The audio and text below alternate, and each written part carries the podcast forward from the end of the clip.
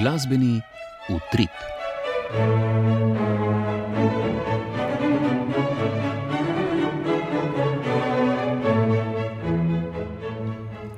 Spoštovane poslušalke, cenjeni poslušalci, pozdravljeni. Tokrat izpostavljamo koncerte iz tujske zbirke, ki so v petek zveneli v atriju Znanstveno-raziskovalnega centra Slovenske akademije znanosti in umetnosti na koncertu v sklopu cikla Harmonija Concertans Stara glasba na Novem trgu. V nadaljevanju bomo predstavili še dogajanje na koncertu z naslovom Nove poti, ki je 16. junija v Mariboru zaokrožil spomladanski del cikla Carpe Artem, sobotni praznični koncert samospeval s sopranistko Elviro Hasanagič v glavni vlogi in ponedeljkovo premjerno uprizoritev muzikala Zgodba z zahodne strani na letošnjem Ljubljana festivalu. Ob koncu oddaje bomo nekaj besed spregovorili še o novem lepem uspehu slovenskih glasbenikov. Dirigent Tilen Draxler se je na tekmovanju Rahmaninova v Moskvi prebil v polfinale. Najprej pa se torej odpravimo v Atri znanstveno-raziskovalnega centra Slovenske akademije znanosti in umetnosti, kjer je bil v petek na predvečer dneva državnosti tretji koncert letošnje 12. sezone cikla Harmonija Concertans Stara glasba na Novem trgu. Ansambel Muzika Kubikularis je na koncertu izvajal pretežno koncerte iz tujske zbirke, glasbeni dogodek pa sem obiskal tudi Mihajl Kozjek.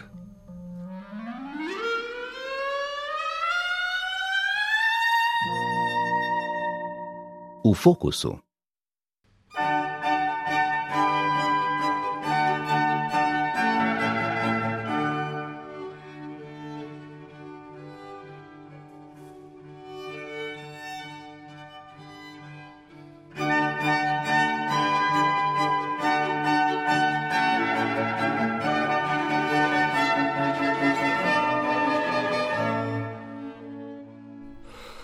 Koncerti cikla Harmonija Concertan Stara glasba na Novem trgu ponujajo izvirne sporede, ki jih pogosto sestavlja v našem času nikdar slišana ali izvajana glasba starejšega časa.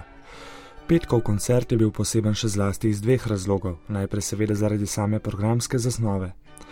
Ansambel Muzika Kubikularis je tokrat nastopil v šestčlanski zasedbi, stalnemu ogrodju, ki ga predstavljata mojster glasbil s tipkami Tomaš Sevšek, tokrat je nastopil v vlogi organista, in Domen Marinčič, tokrat z baročnim violončelom, so se pridružili še violinistki Žužana Čentnar in Mojca Gal ter trobentača Miha Petek in Jan Grčar. Glasbeniki so izvedli šest skladb, od tega štiri izmed 31 koncertov za glasbilo s tipkami in godala iz 18. stoletja, katerih glasbene rokopise so leta 1941 odkrili ob prenovi stare opečnate peči na gradu Wurberg blizu Ptuja. Grad je bil večino 18. in 19. stoletja v lasti štajerske plemiške družine Atems, našle rokopise pa danes hrani knjižnica Ivana Potrča Ptuj. Več Domen Marinčič. Dva izmed teh koncertov smo transkribirali posebej za, za izvedbo na tem koncertu. Skladatelji so Georg Kristof Wagenzeil, potem Hase, zelo znan operni skladatelj, Johan Georg Cehne, ki je bil organist, in pa Johan Adam Scheibel. Potem je pa še ena posebnost. Scheibelov koncert vključuje tudi dve trobenti v zasedbi, se pravi, poleg inštrumenta s tipkami so godala in pa dve trobenti kar je nekoliko nenavadno za koncert za čembalo. In uh, nekako menijo ljudje, da je ta koncert mogoče nastal za izvedbo v cerkvi ob kakšnem slavnostnem bogoslužju in tudi mi ga izvajamo z uh, orglami in sicer z izvirnim glasbilom Janeza Frančiška Janečka iz sredine 18. stoletja. In prav ta orgelski pozitiv je drugi razlog, zakaj je bil tokratni koncert cikla Harmonija Concertans tako neosakdani. Pripadla mu je osrednja vloga na dogodku, s tem pa tudi Tomažu Sevšku, ki je glasbilo suvereno obladoval. Izdelovalec orgel Janez Frančišek Janeček je najpozneje od leta 1721 deloval v celju. Orgelski pozitiv, ki je v Ljubljani zvenel prvič, sta leta 2016 obnovila Drago Lukman in Boštjan Roškar. Glasbilo je sicer nastalo leta 1748, izvira iz Župnijske cerkve svetega križa v Trbonjah pri Dravogradu, zdaj pa ga hranijo v zbirki pokrajinskega muzeja Ptuj Ormož, ki ga je posodil za petkov koncert. Pozitiv ima štiri registre in kratko oktavo. Glasbilo je sprva imelo dva klinasta mehova, pozneje kombinacijo polnilnega meha in rezervoarja, zdaj pa za dovod zraka skrbi elektromotor.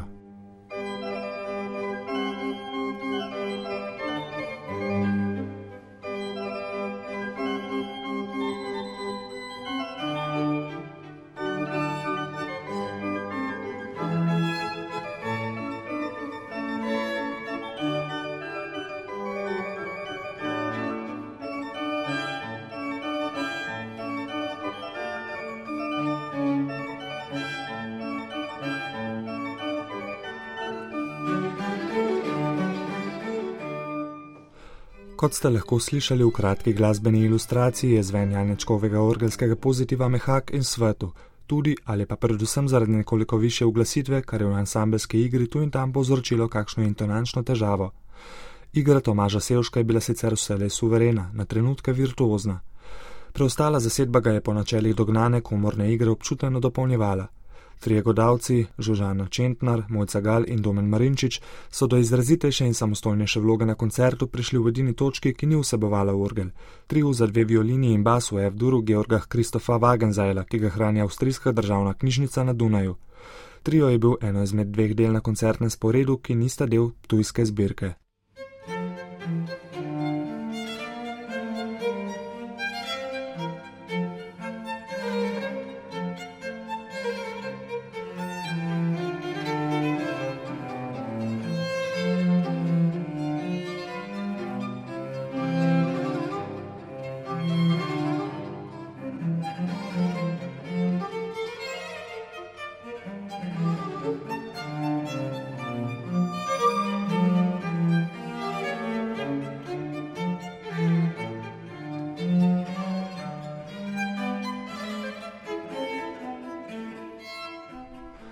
Najmanjšo vlogo izmed šest članske zasedbe ansambla Muzika Kubikularis sta imela oba trobentača, Miha Petek in Jan Grčar. Na baročni trobenti sta igrala na samem začetku v simfoniji Solenis Johana Georga Cehnerja, ki izvira iz Graca, najverjetneje iz Auguštinskega samostana Rotenman, ter na koncu koncerta, ko je zvenel še koncert v C-duru Johana Adama Šajbla iz Ptujske zbirke. Njuna igra, pretežno signalov, je bila zanesljiva in je zaokrožila celostno zvočno podobo ansambla Muzika Cupicolaris, ki je poskrbel za mojstersko podajanje, lahko bi rekli celo obujanje dragocene glasbene dediščine slovenskega ozemlja starejših časov. Pod črto, to je bil botični koncert, ki ga je obiskalo kar lepo število poslušalcev, od katerih najbrž prav nihče ni ostal ravnodušen po koncu glasbenega večera, tako zaradi odličnih izvajalcev, kot tudi svoje vrstne izkušnje s poslušanjem imenitnega obnovljenega orgelskega pozitiva Janeza Frančiška Janečka,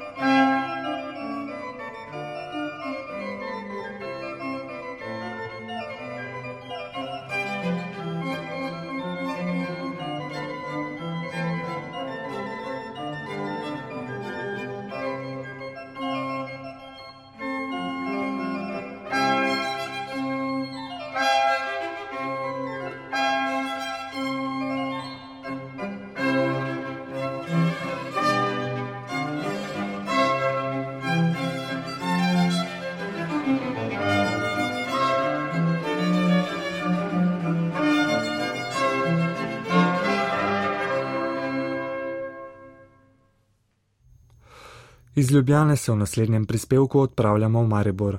V ciklu komornih koncertov Carpe Artem, ki ga prireja Društvo za komorno glasbo Amadeus v sodelovanju s Slovenskim narodnim gledališčem Maribor, je bil četrtek 16. junija v Kazinski dvorani gledališča tretji in sklepni koncert spomladanskega dela cikla z naslovom Nove poti. Podrobneje Tjaša Krajnc.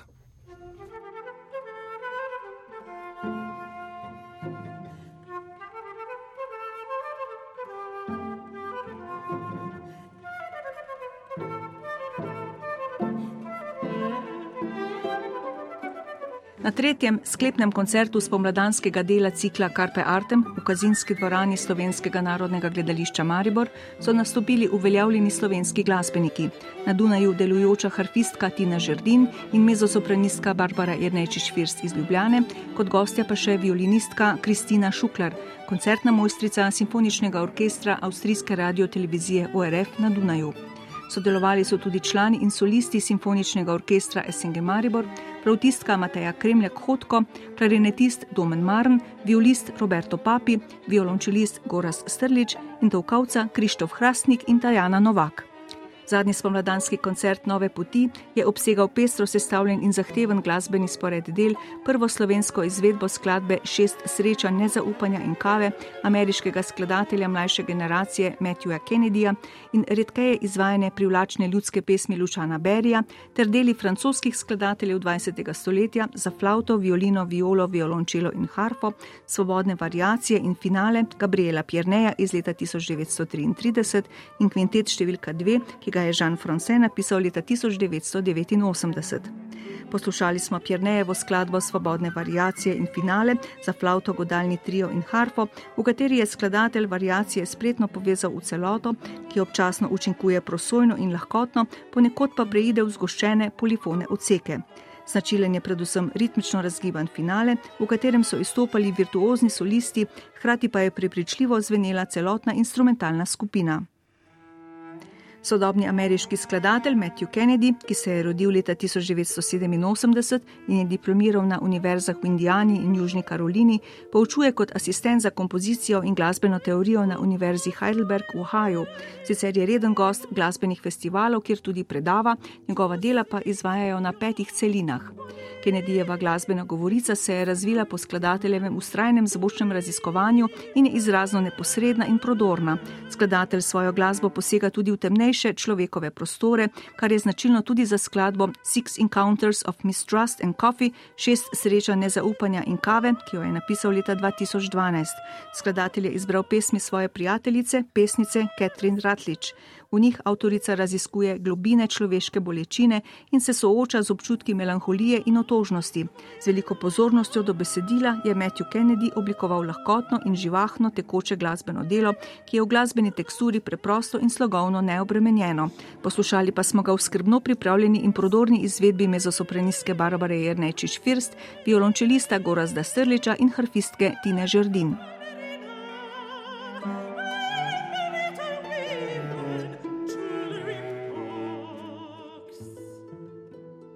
Tretja skladba sporeda je nastala za enako zasedbo kot prva Gabriela Pierneja.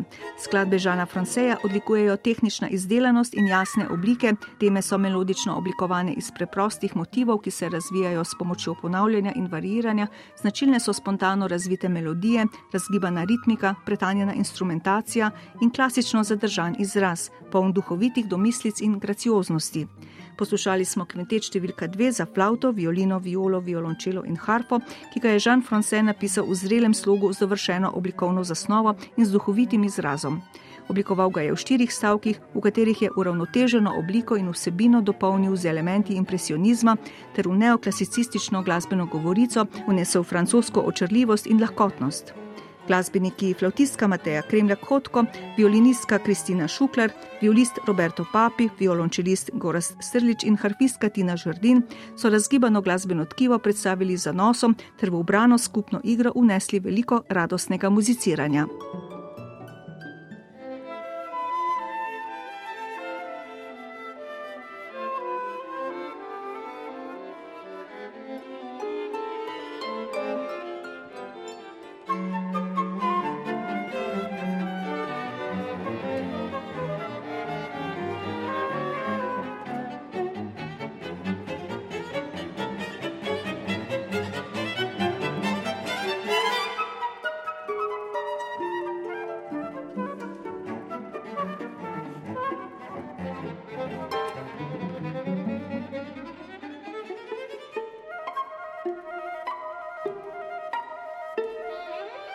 Zadnje delo na koncertu so bile priljubljene ljudske pesmi enega vodilnih italijanskih skladateljev 20. stoletja, Lučana Berija.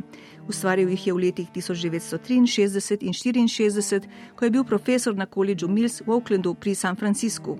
Ljudske pesmi je napisal za svojo ženo, slovito ameriško mezosopranistko Kathy Berberian in sedem instrumentov v komornem ansamblu. Cikl sestavlja 11 pesmi na teme in z elementi ljudske glasbe iz različnih svetovnih glasbenih okolij in kultur. Besedila so večinoma oblikovana kitično, pesmi si sledijo ena za drugo ali pa so ločene s krajšimi instrumentalnimi medigrami. Pester izbor ljudskih pesmi je z veliko muzikalnega naboja interpretirala mezosopranistka Barbara Janečič First, ki jo je zanesljivo in z razvitim izvajalskim občutkom spremljala instrumentalna skupina gostujočih glasbenic in članov opernega in simfoničnega orkestra SNG Maribor.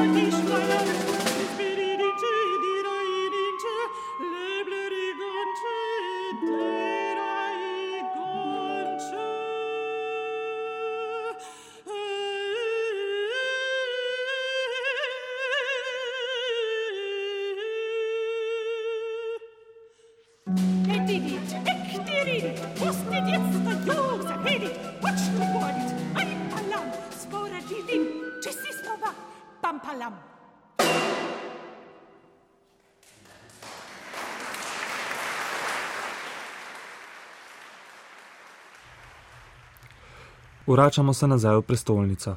V soboto na dan državnosti sta glasbena matica in Ljubljanska opera organizirali koncert samospevov. V SNG opera in balet Ljubljana so nastopili sopranistka Elvira Hasanagič, pianistka Aleksandra Pavlović in violončelistka Sanja Repše. Koncerta se je odeležil tudi Dejan Jurevič. Glasbena matica letos praznuje 150-letnico obstoja. Slavnostna akademija kot tudi nekaj prazničnih koncertov je že za nami. Koncert, planiran za slovenski kulturni praznik, pa so zaradi korone premaknili na 25. junija. Na koncertih samospevov ponavadi poslušamo pevskega solista ob klavirski spremljavi, tokrat pa sta sopranistko spremljali pianistka Aleksandra Pavlović in violončelistka Sanja Repše, ki je za večino programa priredila partiture in dodala part violončela. Poslušali smo tudi krstno izvedbo pesmi Sila spomina mladega slovenskega ustvarjalca Vida Ožbolta, ki trenutno študira kompozicijo v razredu Reinharda Febla na Salzburškem Mozarteumu. Nekaj pojasnil o zasnovi programa in priredbah za violončelo nam bo zdaj razkrila solistka Elvira Hazanagič. Koncert je bil mišljen, da se izvaja 8. februarja. Zato je bila seveda najprej eh, naročilo, da tudi izvajamo eh, glasbo na preširnove pesmi in zato smo veseli, da nam je Vid Ožbolt napisal eno krasno pesem. Od slovenskih skladateljev škarjanca še nikoli nismo izvajali, zato smo se zaželeli, da predvsem škarjanca delamo. Uroš Krek ima tudi 100. obletnico letos, zato se nam je zdelo primerno, da tudi njega slavimo. Poleg tega pa Lajovic je tudi eden od teh snovateljev Matice in se mi zdi primerno, da tudi njega damo v program. E, vse ostalo, se pravi Rahmaninov, Masne in Boržak, je pa nekakšna glasba, ki je nam pisana na kožo in jo zelo radi izvajamo. Zanimivost koncerta je prav tako zasedba, torej glas, klavir in tokrat tudi violončelo. Tako je. Jaz poznam Sanjo in Aleksandro kot duo, kar že nekaj časa in vedno sem si želela, da mi naredimo enkrat trio. In zato sem prosila in Matico in Sanjo, da tokrat uh, naredimo en večer v, v tem kontekstu. In uh, zelo sem vesela prvič, da je Sanja pristala in da je naredila tako ogromno delo, da je priredbe za v bistvu 90% vseh skladb, ki smo jih uh, odigrali. In mislim tudi, da je zelo pasalo. Omenila si tudi mladega slovenskega skladatelja Vida Ožbolta. Slišali smo krstno izvedbo njegove pismi. Kako ste sploh prišli na idejo ta izvedbe? e, iskali smo med literaturo vseh skladateljev, ki so do sedaj pisali glasbo na preširnove pesmi in smo videli, da se veliko stvari ponavlja. Se pravi, veliko izvajalcev poje, igra ene in iste pesmi in smo rekli, dajmo mi nekaj narediti, nekaj svojega, nekaj novega in smo imeli srečo, da vid Ožbolt, ki je tudi sanjen učenec čela, bil toliko prijazen, ker je pa tudi seveda skladatelj, da nam je napisal za nas to pesem Sila spomina. Pravimo, da je samospev najsubtilnejša glasbena zvrst. Globoka čustvena izpoved ni samoumevna in ni dana vsakemu umetniku. Izražanje z glasom je zato toliko težje in nič nenavadnega ni, če poslušalci pričakujemo poglobljeno interpretacijo, ki prodre v svet našega čustvenega doživljanja glasbe. In ker je sublimna glasba v dobri izvedbi največ, kar lahko dobimo od umetnikov, sta naša percepcija in doživljanje lete še bolj subtilna in tankočutna. Prav tak je bil tudi koncert, na katerem so zveneli samospevi Lucijana Marija Škerjanca, Kreka, Žila Masneja, Antonina Dvoržaka, Antona Lajevca, Sergeja Rahmaninova in Vida Ožbolta. Elvira Hasanagič ob spremljavi Aleksandre Pavlović in Sanja Repše nam bo zdaj izvedla Rahmaninov samospev Španski bazak.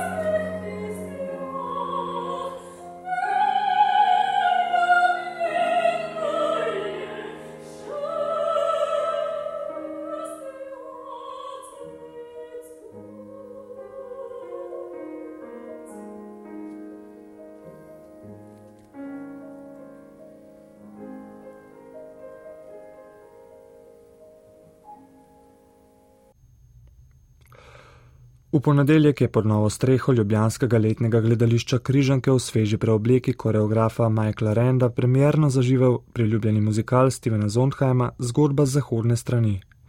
V vročo poletno noč so odmevale melodije skladatelja Leonarda Bernsteina v izvedbi britanskih plesalcev, pevcev in igralcev, ki jih je v živo spremljal simfonični orkester Radio Televizije Slovenija.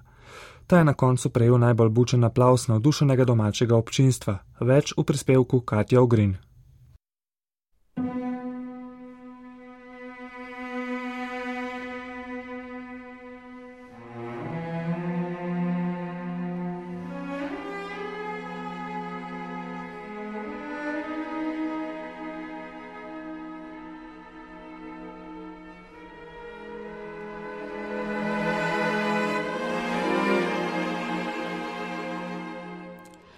Zgodba z zahodne strani je pripoved o rivalstvu med dvema tolpama različnih etničnih pripadnosti in o mladi prepovedani ljubezni. Zgodba črpa svoj navdih iz Shakespearjeve drame Romeo in Julija, postavljena pa je v 50. leta 20. stoletja na Manhattnu. Ljubezen med američanom iz premožne družine in priseljeno portoričanko vnese nemir v sosesko. Tragična smrt enega izmed ljubimcev pa služi kot opomnik o nesmiselnosti rasnega razlikovanja in z njim povezanega sovraštva. Za svežo postavitev priznanega muzikala lani preminulega skladatelja in tekstopisca Stevena Sondheima je poskrbel režiser in koreograf Michael Rand, ki je že stari znanec festivala Ljubljana. Rand je v Ljubljano pripeljal popolnoma svežo, mlado zasedbo plesalcev in pevcev iz Velike Britanije, z njo pa, kot je povedal, predstavlja svoj sodoben pogled na legendarno zgodbo.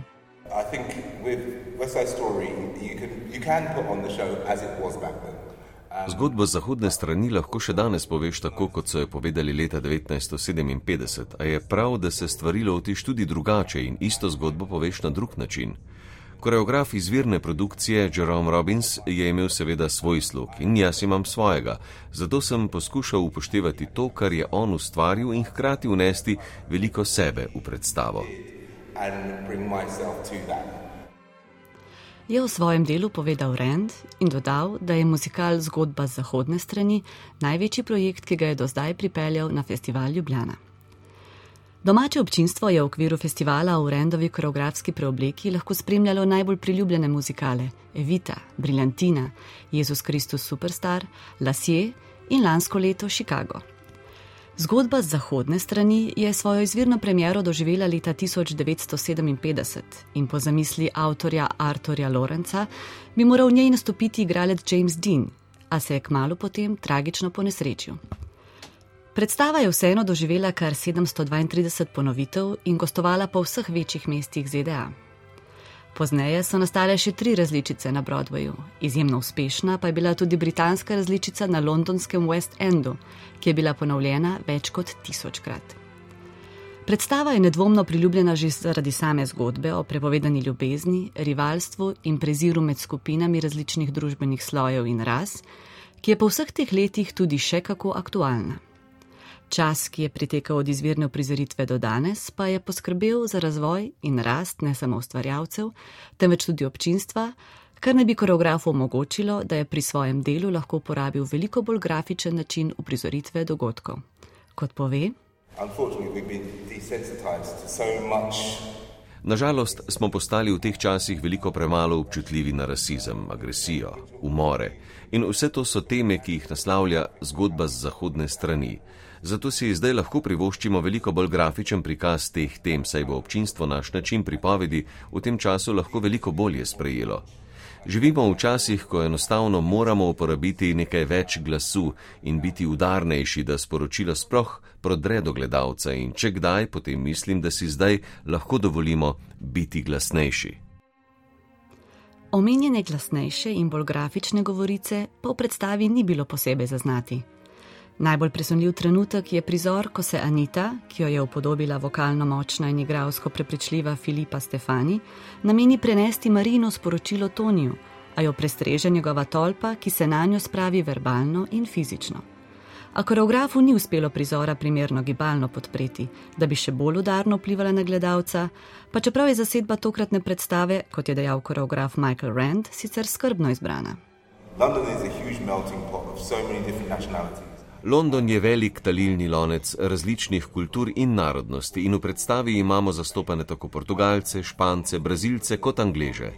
Seveda, ko smo ustvarjali zgodbo z zahodne strani, v kateri nastopajo Portoričani in Amerikanci, to so pravzaprav ravno tako migranti, ki so v Ameriko prišli iz Evrope, smo sploh v teh časih želeli biti zelo natančni glede tega, kako bomo izbrali zasedbo za predstavo. Tako smo še posebej pozorno iskali latinsko-ameriška dekleta, saj nismo želeli, da bi kar vsakdo lahko igral vsakogar. Za prav vsako vlogo smo skrbno izbrali primernega kandidata. Um,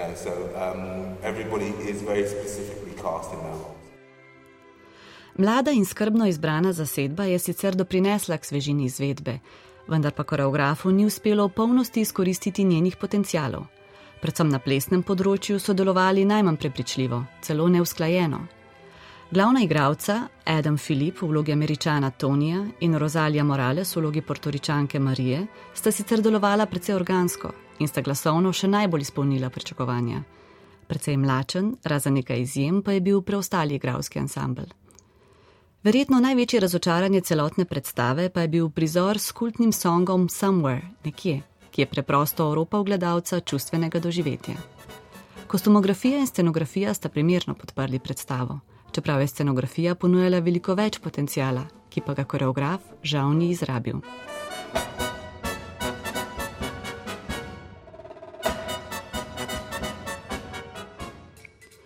Brodovijska predstava Zgodba z zahodne strani je prejela kar sedem nominacij za nagrado Tony in je dve tudi osvojila. Doživela pa je tudi dve filmske adaptaciji. Zadnjo, ki je svojo premiero doživela v lanskem letu, je režiral Steven Spielberg in je od sedmih nominacij za nagrado Oscar prejela eno. Tisti ikonični in nepogrešljivi element predstave pa je nedvomno izvirna glasba ameriškega pianista, skladatelja in dirigenta Leonarda Bernsteina, ki velja za enega njegovih najsijajnejših skladateljskih dosežkov. V njej namreč s spretnostjo in tenkočutnostjo prepleta južnoameriške ritme in melodije z jazzovsko instrumentacijo.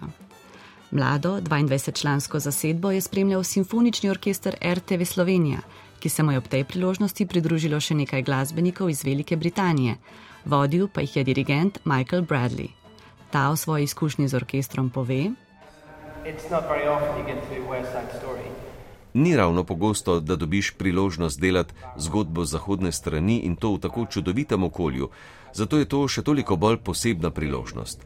Orkester pa je enkraten.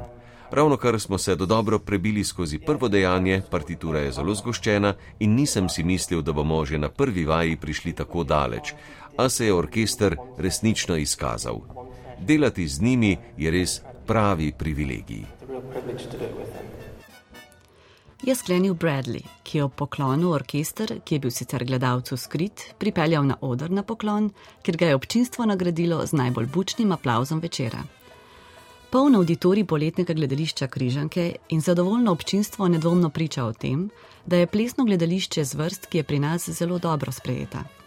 Ob količini uspešnih domačih plesalcev, pevcev in igralcev, s katerimi se lahko ponašamo, pa bi bilo nedvomno dobrodošlo, da bi podprli večje število domačih produkcij tako priljubljenega muzikala.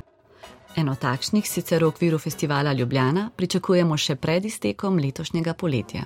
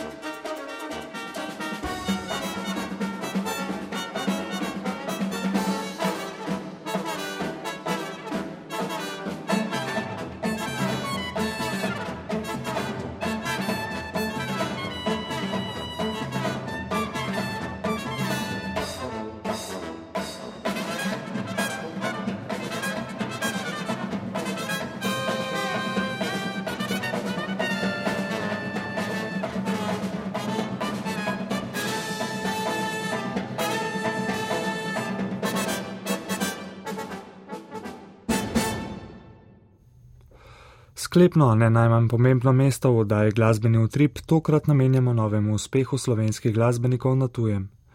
Od 14. do 27. junija je bilo v Moskvi mednarodno tekmovanje za pianiste, skladatelje in dirigente Sergeja Rahmaninova, ki je sicer le enkrat na štiri leta. Umetniški vodja in pobudnik tekmovanja je slavni pianist Denis Macujev, ki je tudi vodil žirijo za klavir, skladateljsko je vodil Aleksandr Čajkovski, žirijo za dirigente, v kateri so bili med drugim tudi Vladimir Fedosejev, George Pelevanjan, Taolin in Valerij Poljanski, pa še eno slovito ime Valerij Gergijo. Na tekmovanje se je prijavilo kar 529 glasbenikov iz 33 držav, med drugim tudi dirigent mlajše generacije Tilen Draxler iz Slovenije, ki je bil eden od 210 tekmovalcev v dirigentskem delu tekmovanja. To je bilo sestavljeno iz kvalifikacijske in še treh etap uživo, ki so potekale na prizorišču tekmovanja v imenitni moskovski koncertni dvorani Čajkovski. Kandidati za prvi krok oziroma etapo so bili izbrani glede na rezultate kvalifikacijskega kroga na podlagi komisijske ocene predloženih videoposnetkov. V prvo etapo je bilo sprejetih oziroma povabljenih 24 dirigentov, v drugo je napredovalo pa v manj tekmovalcev in v finalno tretjo šest najboljših dirigentov.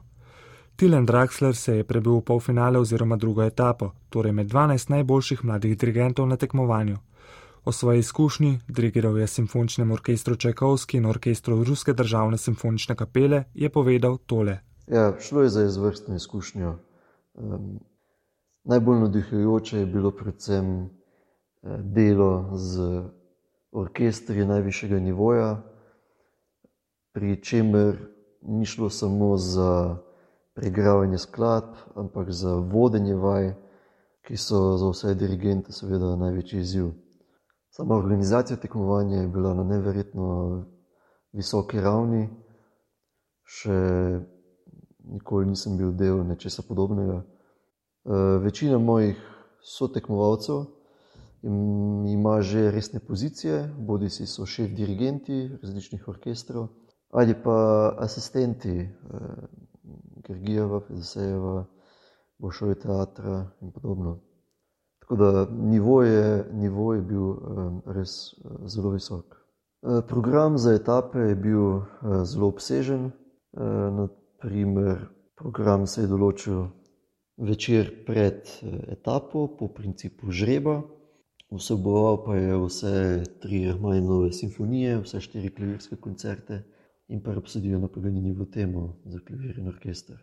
Pri kakšni drugi etapi pa je šlo za skladbe, ki smo jih dirigirali vsi dirigenti, to pravi, so bile že vnaprej določene, in pa uh, skladbe, ki smo si jih uh, tekmovalci izbrali sami. Tuji dirigenti smo imeli na vajah tudi prevajalce, uh, ampak navadno smo se v tem primeru dirigenti posluževali glasbenega jezika in glasbenih izrazov, tako da so tudi vaje potekale veliko bolj učinkovito in hitreje.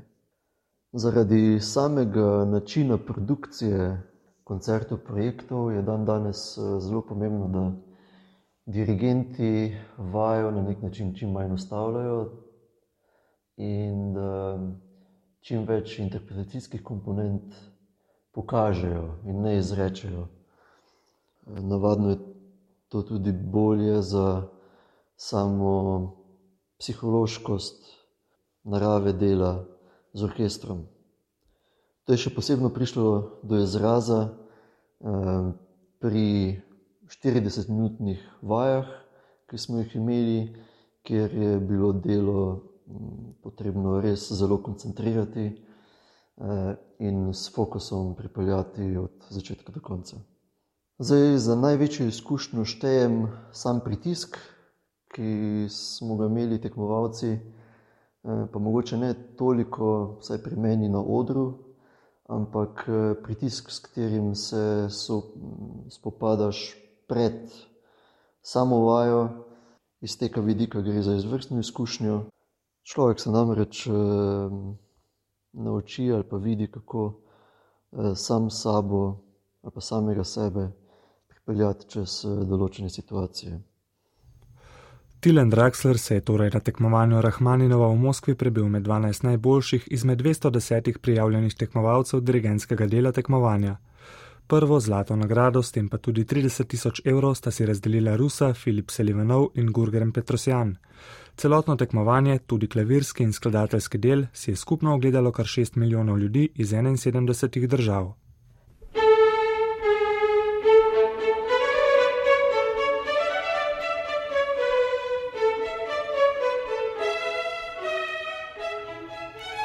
Spoštovane poslušalke, cenjeni poslušalci, oddaja glasbeni utrip, ki jo lahko znova poslušate na Arsovi spletni strani ali portalu RTV 365, je končana. Prav ob koncu še vabilo k spremljanju naše vsakodnevne jutranje rubrike Glasbeni povdarki današnjega dne, v kateri napovedujemo izstopajoče glasbene dogodke. Prispevke smo pripravili sodelavci uredništva za resno glasbo: Katja Ogrin, Tjaša Krajnc, Dejan Jurovič in Mihajl Kozjek. Oddajo je zvočno oblikoval Nate Pip, vodil in uredil sem jo Mihajl Kozjek. Zahvaljujem se vam za pozornost in srečno do prihodnič.